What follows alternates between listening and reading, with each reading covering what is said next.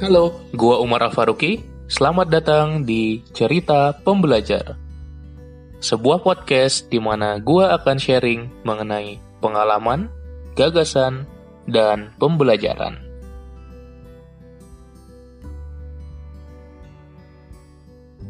Halo, kembali lagi di Cerita Pembelajar.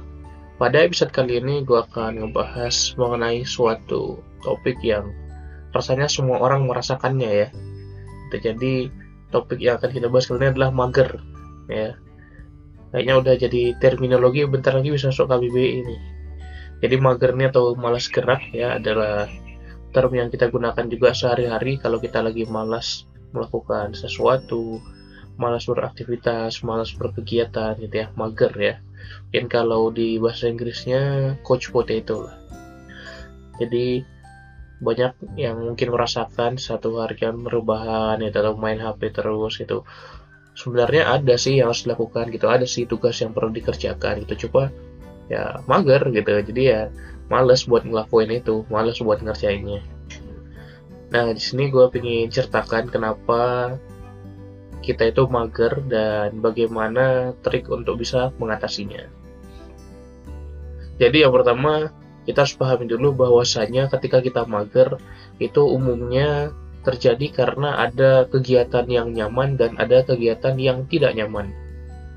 Seperti misalnya kita rebahan atau main doang gitu atau misalnya tidur-tiduran main HP saja itu adalah kegiatan yang nyaman bagi kita dan misalnya kegiatan-kegiatan yang ingin dilakukan seperti kerja atau belajar atau baca buku atau misalnya nugas atau olahraga itu adalah pekerjaan-pekerjaan yang dalam subconscious mind kita otak tidak bawah sadar kita otak bawah sadar ya. Jadi secara tidak sadar kita menganggap itu tidak nyaman. Nah ketika kita sudah bisa menyadari itu kita tahu nih bahwasanya memang kita cenderung melakukan hal-hal yang nyaman. Pasti seperti itu ya. Kita cenderung melakukan hal-hal yang nyaman dan banyak sekali yang sudah membahas keluar dari zona nyaman kita, keluar dari comfort zone. Tapi bagaimana sih caranya? Gitu ya, bagaimana cara kita bisa keluar dari itu? Karena seakan-akan itu ada apa ya perangkap atau kurungan atau penjara di hal yang nyaman tadi.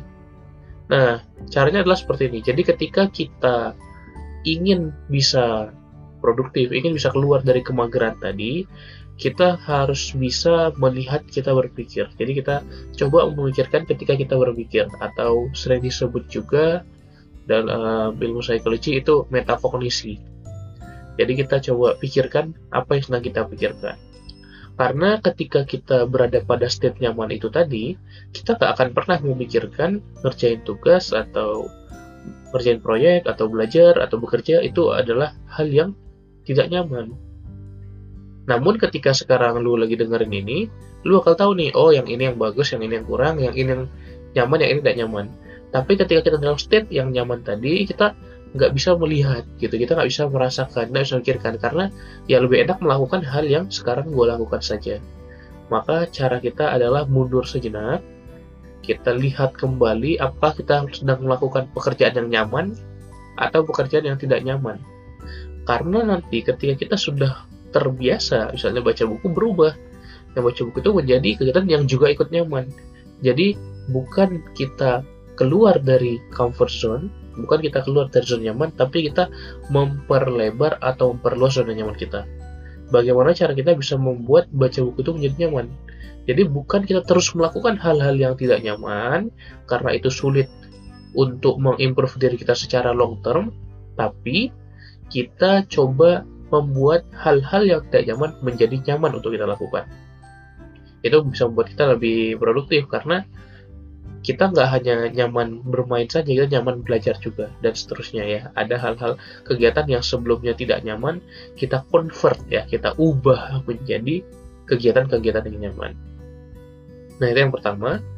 Nah kemudian ke uh, tadi metakognisi atau kita mundur sejenak ya untuk melihat yang mana yang nyaman atau tidak nyaman.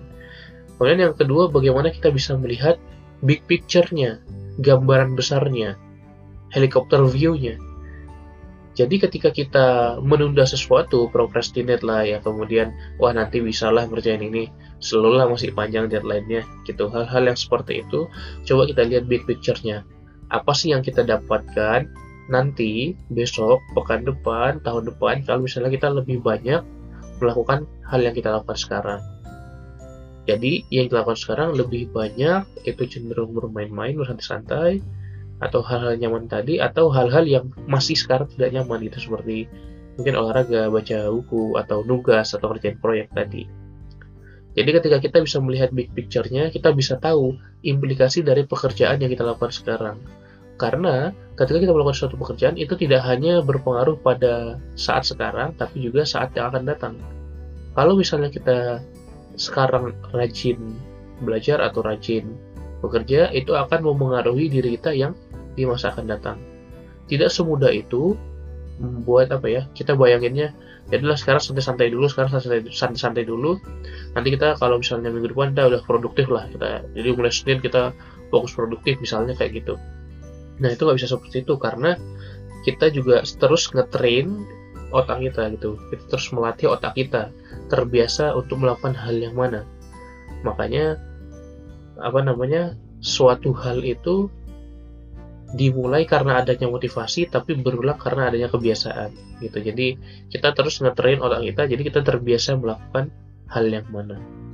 Nah jadi tipsnya adalah bagaimana kita bisa melihat big picture atau gambaran besar dari implikasi-implikasi atas apa yang kita lakukan sekarang itu itu yang kedua nah kemudian yang ketiga ini yang menarik sekali nih yang ketiga yaitu bagaimana kita membuat pekerjaan-pekerjaan yang kecil.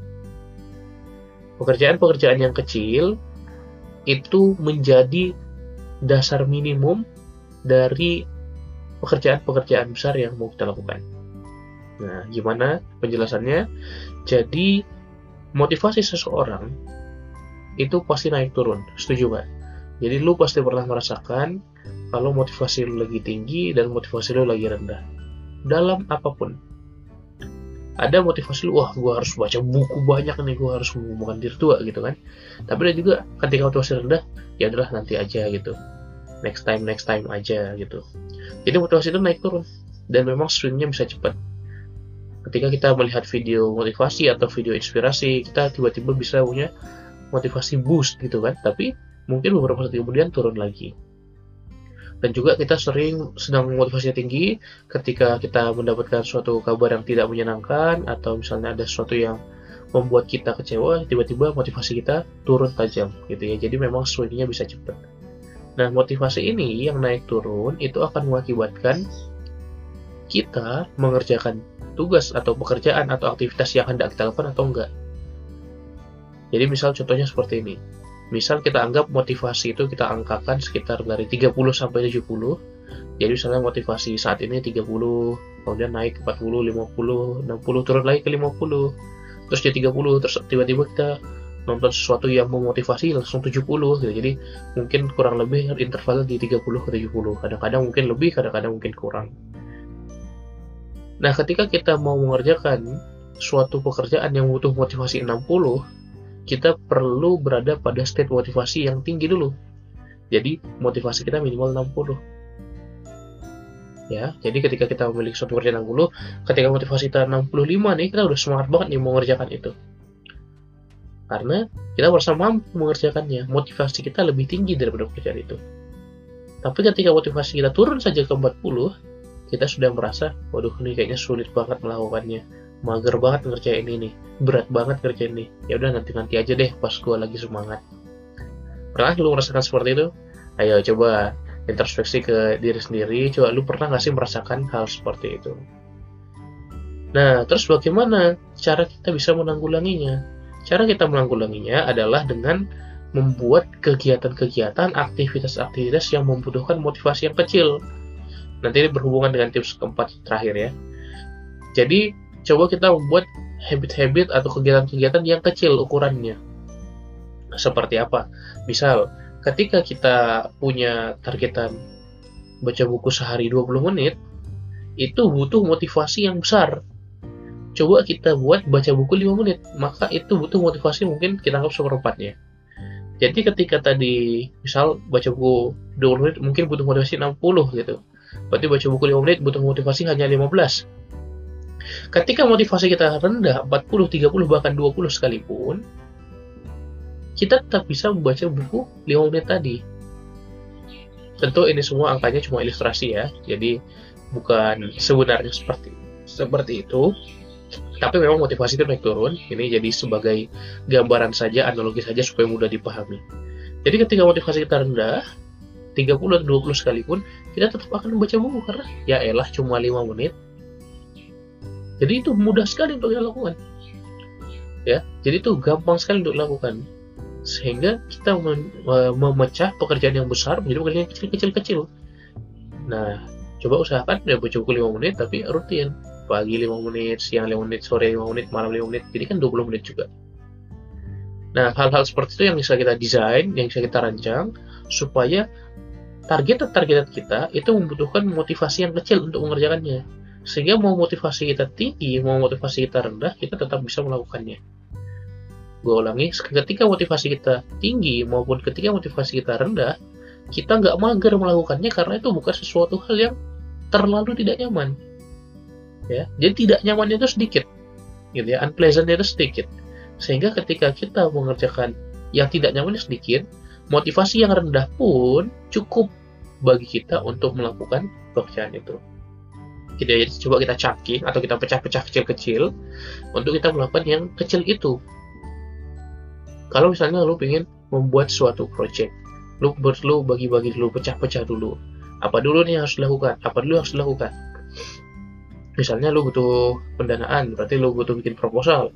Proposal ini bisa dibagi-bagi lagi nggak? Gitu. Nah kemudian dijadwalkan kapan mengerjakannya.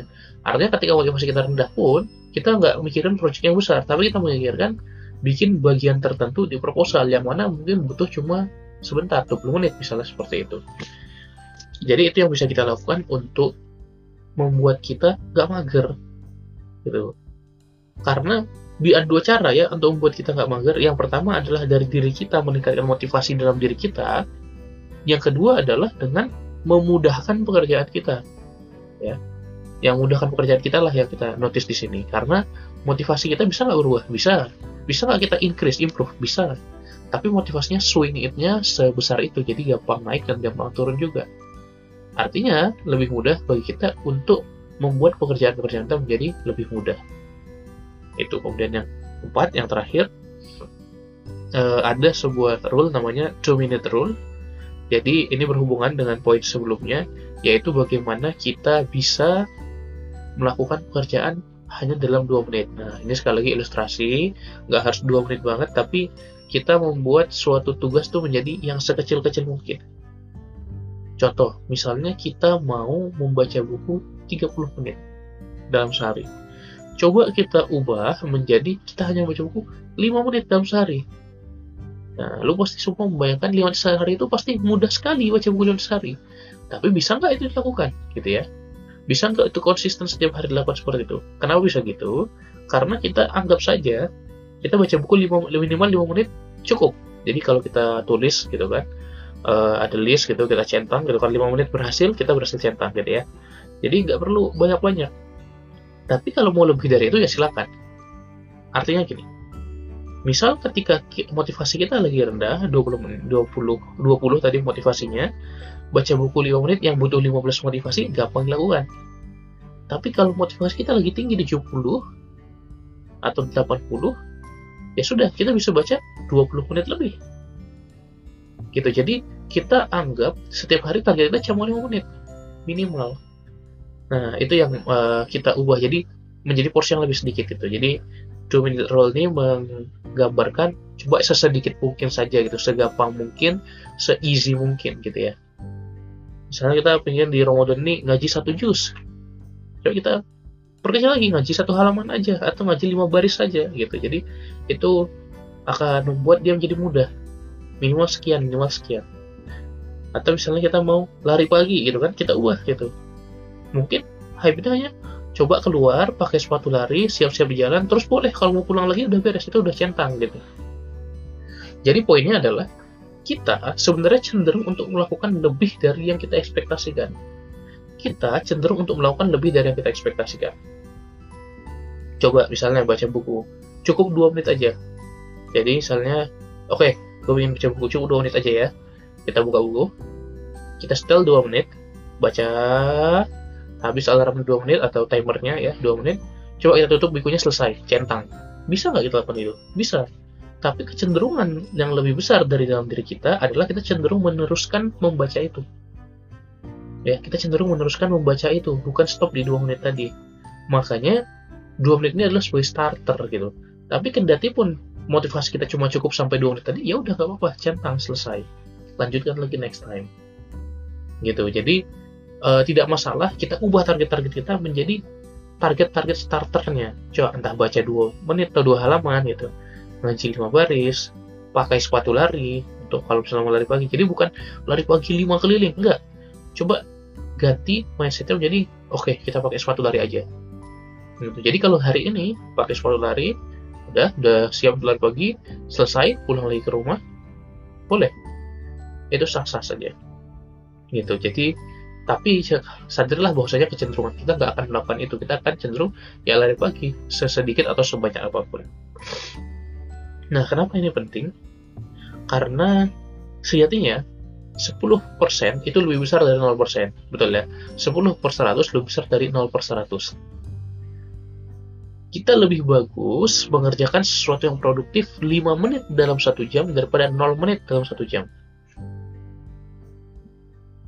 Kita mungkin ya rebahan terus, mager terus, main-main terus, sehingga dalam satu jam kita mengerjakannya mengerjakan hal yang kita inginkan hanya 0 menit. Jadi kalau misalnya dalam 4 jam ya 0 menit, 0 menit, 0 menit, 0 menit. Sementara itu kalau misalnya kita melakukan hal yang kita inginkan, misalnya dalam 1 jam 5 menit saja. Contoh jam 8 sampai jam 12, 4 jam juga ya. Jadi jam 8 sampai 8.05 kita melakukan hal yang harus kita lakukan, entah nugas, entah PR atau apa pun. 8.05 sampai 9.00, 55 menit bebas main apa pun, mager-mageran 900 sampai 905 coba kerjakan yang kita inginkan. Coba aja seperti itu. Pasti nanti kecenderungannya kita akan bekerja lebih dari 5 menit. Perhatikan ya, pasti kecenderungannya kita akan bekerja atau belajar lebih dari 5 menit. Nah, tapi yang perlu disadari setidaknya kita udah mengerjakan hal tersebut selama 20 menit dalam 4 jam. Dibandingkan kita tadi tidak mengerjakan sama sekali. Gitu. Jadi, coba dimulai dari sedikit saja. Karena ketika kita melakukan sesuatu yang sedikit, cenderungnya kita tidak melakukan sesedikit itu, lebih banyak dari itu. Jadi coba kita set goal-goal kita menjadi sesedikit mungkin dalam bentuk habit harian atau pekanan, tinggal disesuaikan. Tapi jadikanlah itu eh, hal-hal uh, yang menjadi starter dari kebiasaan kita. Misalnya kita mau puasa sunnah gitu, let's say puasa sunnah, ya udah kita bukan target puasa, tapi targetkan sahur. Nah, hal-hal yang seperti itu yang menjadi starter dari kegiatan-kegiatan kita. Baca buku sedikit gitu atau pakai lari atau misalnya coba masak gitu ya. Nah nanti kita akan keterusan untuk melakukan hal lebih banyak lagi. Mungkin itu saja untuk episode kali ini. Semoga bisa dirasakan manfaatnya. Dan buat teman-teman yang merasa episode ini bermanfaat dan bisa diimplementasikan silahkan share ke teman-teman yang lainnya ke sahabat kamu ke keluarga kamu Sampai jumpa di episode-episode berikutnya. Salam pembelajar.